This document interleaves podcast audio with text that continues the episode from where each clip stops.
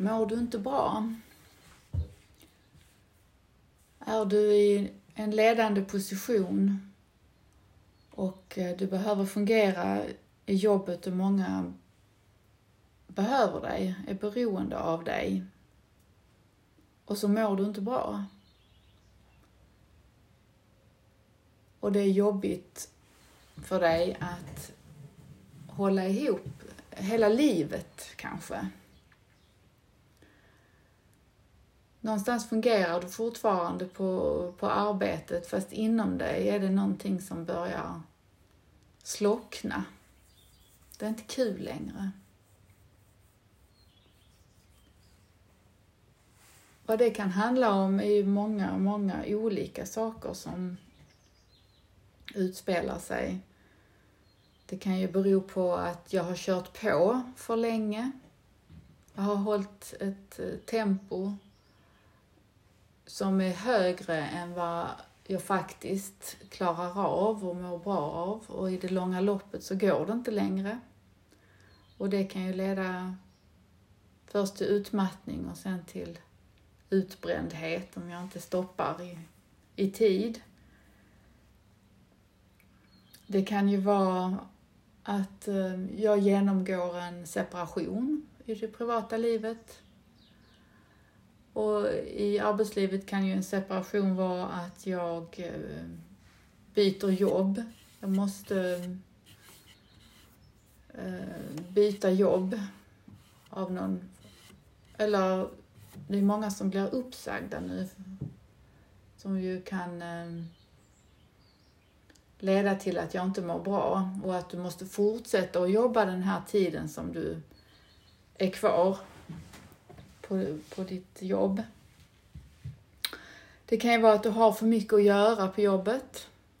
Du har um, alldeles för mycket åtaganden och de kan till och med vara övermäktiga. Det kan ju vara därför. Du kan ju ha kärleksbekymmer. Um, det kan vara barn som inte mår bra, som du behöver ta hand om. Det kan ju vara att eh, boendet inte fungerar. Föräldrar som börjar bli sjuka, som behöver hjälp att komma in på olika vårdhem och så vidare. Det är så mycket som kan eh, som det kan vara som kan vara orsaken.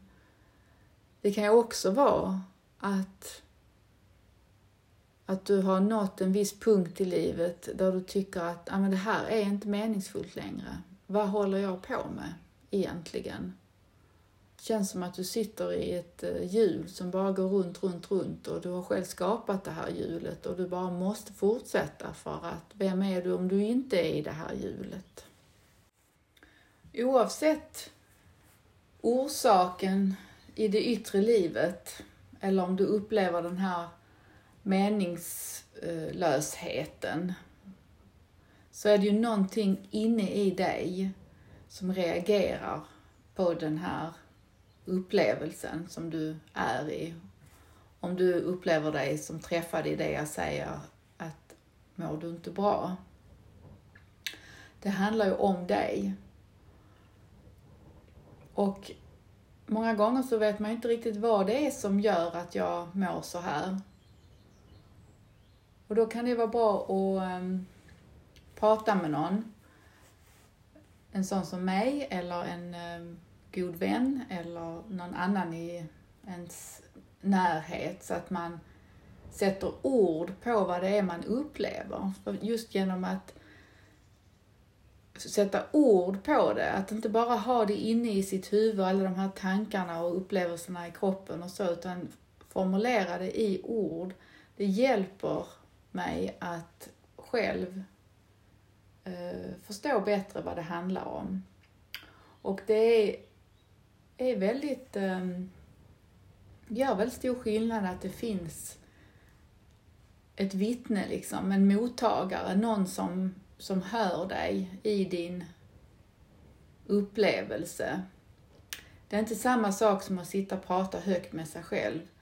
Det kan man också göra om man inte har någon att vända sig till och prata med så ett sätt man kan göra är att eh, man spelar in sig själv helt enkelt och sen spelar upp det för sig själv, det man har sagt. Eller pratar högt när man är ute och går eller så. Men det är viktigt att liksom just sätta ord på det. Och vissa skriver istället, och det kan man också göra. Eh, fast det är inte riktigt samma effekt som när man just eh, pratar med någon annan om det. Det finns en annan person som, som tar emot det. Och i, i det arbetet som jag gör med mina klienter så tillsammans så utforskar vi vad kan det här handla om hos individen som gör att, att eh, personen mår, mår dåligt.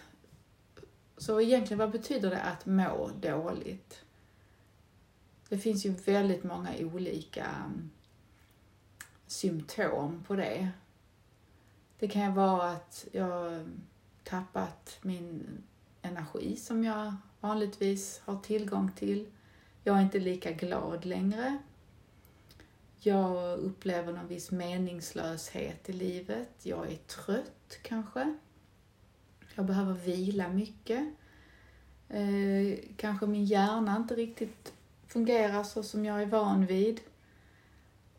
Eh, känner mig håglös. Eller så kan jag vara fruktansvärt arg, eh, frustrerad, liksom vansinnig och, och hänger upp mig på allt som är, jag tycker är fel utifrån mitt sätt att se det på. Jag kanske blir väldigt konfliktsökande. Eller så är det att jag undviker konflikter, jag möter inte någon eh, konflikt längre eller någonting som är att vi har olika åsikter.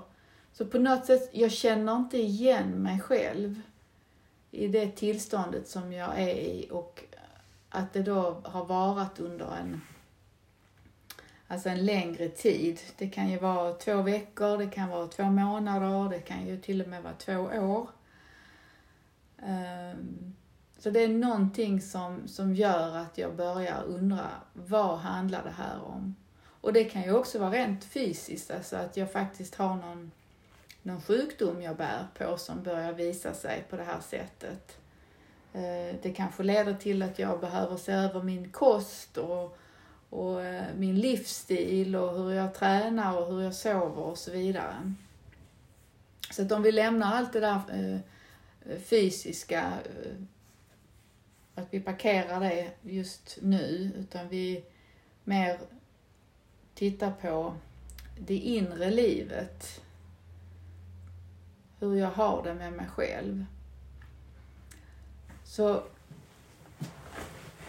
att hitta de nycklarna, att hitta den ehm, först ehm, förstå vad det, vad, vad det här handlar om, alltså den intellektuella förståelsen. Att, att förstå min reaktion. Det här har hänt i mitt liv, så här påverkar det mig, så här reagerar jag. Att, att eh, få den konceptuella och intellektuella förståelsen är en oerhört bra start och kan skapa lugn så att jag fattar det hela. Sen är det ju då nästa steg att omsätta den här nya insikten och förståelsen i handling. Så först är det att vi behöver skaffa oss nya upplevelser och erfarenheter av det nya jag har kommit på att jag behöver göra. Till exempel, vi säger att du behöver, ehm, du har kommit på att du forcerar saker. Liksom du, du använder alldeles för mycket energi än vad du egentligen behöver så att du skapar väldigt mycket liksom, turbulens och konflikter runt dig. Och då kanske du behöver um, öva dig på att hålla dig själv, liksom sätta dig ner i sadeln, hålla tillbaka den impulsen i dig och hitta någonting annat som, som är väldigt sant för dig. inget hittepå här utan liksom någonting, en annan kvalitet som, som då får plats och komma upp i dig. Att du taktar med dig själv. Och när du då börjar, du tar ett djupt andetag istället för att liksom gå i konflikt direkt så håller dig tillbaka, tar ett djupt andetag, landar i dig och helt plötsligt så hittar du ett nytt sätt att svara an på i den här situationen. Då får du en ny upplevelse. Du får en upplevelse av ett nytt sätt att, att vara på. Och vi behöver samla på de här nya erfarenheterna och upplevelserna av vår beteendeförändring innan vi gör det fullt ut, alltså innan vi har integrerat det i vårt liv.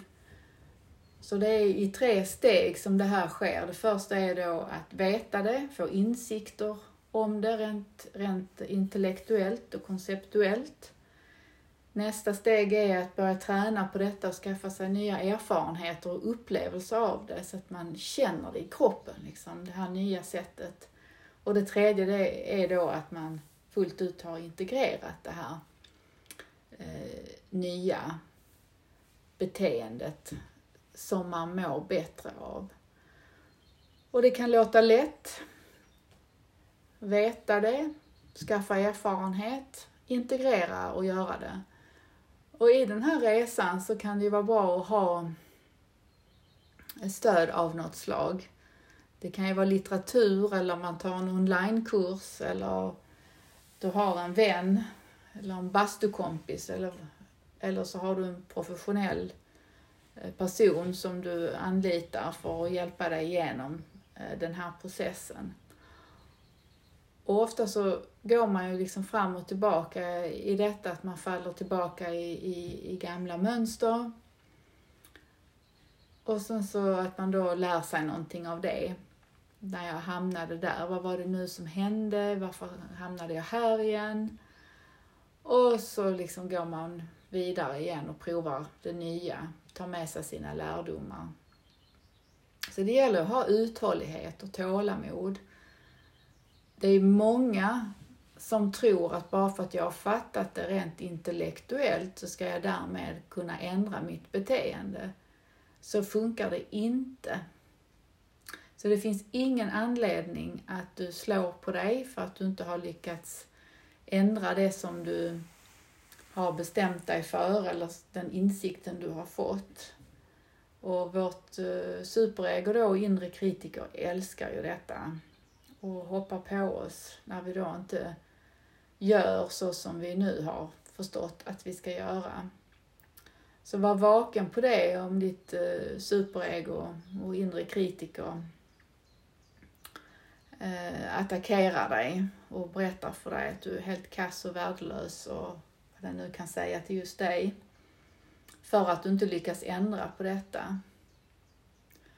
Så här behövs eh, väldigt mycket empati, mycket medkänsla, mycket förståelse och också en, eh, en drivkraft och en, en beslutsamhet att fortsätta träna på det här nya som jag intellektuellt då har förstått. Att jag fortsätter omsätta det i den takt jag faktiskt har kapacitet för i mitt liv. Och det är så lätt att vi tappar de här kvaliteterna som jag just räknade upp då. Empati, medkänsla, beslutsamhet och så vidare. Och att vi hamnar i någon eh, håglöshet, uppgivenhet, att det inte är lönt och jag kan inte och, så vidare. Det är viktigt att se då att det här är en del av mönstret när man ska bryta mönster. Att man går in och ut, Eh, in och ut ur det nya. Man vet, det stämmer bättre med mig. Och det gamla, de gamla präglingarna. Ofta stöter man också på smärta, eh, inre smärta som man absolut inte vill känna och kanske eh, har en massa strategier för att slippa känna den här inre smärtan. Och här behöver man verkligen träna upp muskeln att kunna känna vilken känsla som helst. Och det tar också tid att träna upp det. Det kan man inte heller bara bestämma sig för att göra utan man får känna det i den takten som mitt nervsystem har kapacitet för. Och ju mer jag tränar det, desto mer kan jag faktiskt vara med vilken känsla som än uppstår. Och när vi kan vara med alla känslor, sorg, eh, besvikelse, ilska, svartsjuka, övergivenhet, vad som helst, hat, när vi kan tillåta oss att känna detta, kärlek, glädje, ensamhet, då är vi fria. Om vi verkligen tänker efter så är det att vi ägnar stor del av vårt liv att slippa känna vår egen inre smärta. Vi har så många olika strategier för att undvika känna den inre smärtan. Och min erfarenhet och övertygelse är att genom att träna upp förmågan att känna precis vad det än är, det är vägen. Under där finns guldet. Under där ligger din potential. Under där ligger din sanning. Men om du inte går och tar emot den här inre smärtan utan du fortsätter att leva ditt liv på ett sätt så att undvika att känna detta så blir det ingen utveckling. Och har du också ett starkt superego och inre kritiker så bidrar det också till att du stannar kvar i dina gamla mönster och ingen förändring sker. Så du kanske har en strategi i livet att du und undviker att känna dig svag och sårbar. Det vill du absolut inte göra. Eller du undviker konflikt till varje pris. Otroligt konflikträdd kanske. Eller du undviker att eh, ha fel. Det är det värsta som skulle kunna hända dig, att, att göra fel och ha fel. Eller vara fel. Eller att, um, att du har behov. Att du har behov i livet. Du kanske har en strategi av att finnas till för andra. Det är du som hjälper andra. Och själv så ehm, undviker du att känna dina behov, vad just du behöver och ge det till dig själv. Det kanske är så att misslyckande för dig är det värsta som skulle kunna hända, så att du till varje pris undviker den upplevelsen av att vara eh, misslyckad. Och att du kanske har massa strategier av att du måste ha det här stora huset för att känna dig lyckad eller just det här jobbet för att känna dig lyckad eller måste ha minst två barn och de ska också vara lyckade och så vidare. Eh, du kanske har en inre känsla av, av tomhet. Och den här känslan av tomhet är verkligen liksom så viktig att, att känna för att komma vidare. Ja, allt det här jag har sagt innan är viktigt att stanna upp och, och stanna kvar i konflikträdslan. Liksom. Känn den. Så, alltså. ah, det gör så ont. Liksom. Fortsätt att känna, för under där finns något annat. När du känner tomhet, stanna med det. Känn det, låt det vara där, välkomna det. och du kanske verkligen är sån att du vill absolut inte känna den här inre smärtan. Alltså du gör vad som helst i livet för att inte känna det. Och det är full fart, högt tempo, många barn, mycket vänner, mycket aktiviteter, full rulle hela tiden, som kanske är en flyktstrategi för att slippa känna det som faktiskt pågår inne i dig.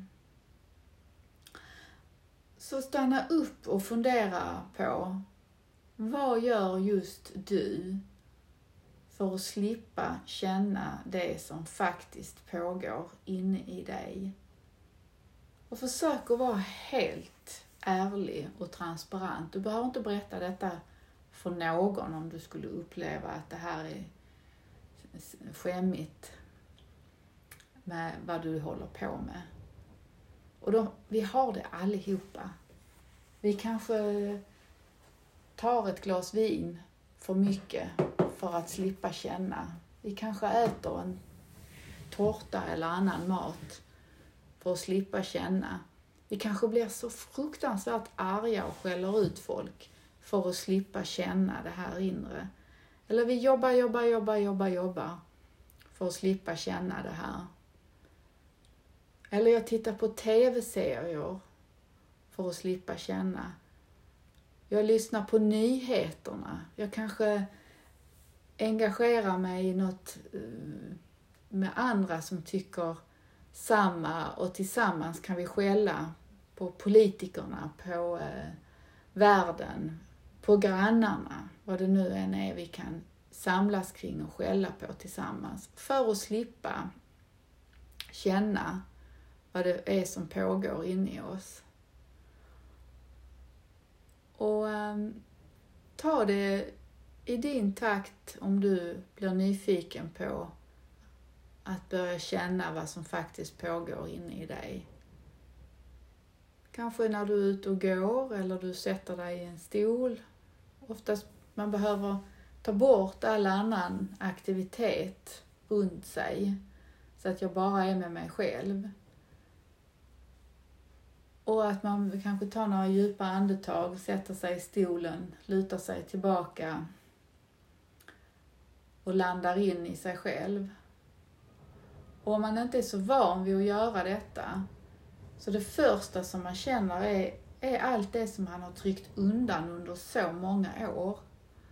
Och den smärtan är, den är enorm och det behöver man lära sig att stå ut med. Så därför är det så viktigt med den här intellektuella förståelsen kring varför ska jag göra detta? Och det är så viktigt att ta emot alla sina känslor så att jag kan bli fri från att fly från dem. Och när jag kan känna allting som pågår inne i mig så transformeras det till någonting som är essentiella kvaliteter och essentiella känslor som ligger bortom egot. Alltså du blir fri och din potential kommer fram och du får fatt i dig själv på riktigt bortom ditt historiska jag. Och därmed så kan du också dela med dig av det som är, är ditt bidrag på riktigt här i livet. Så att må dåligt kan vara en väldigt bra början.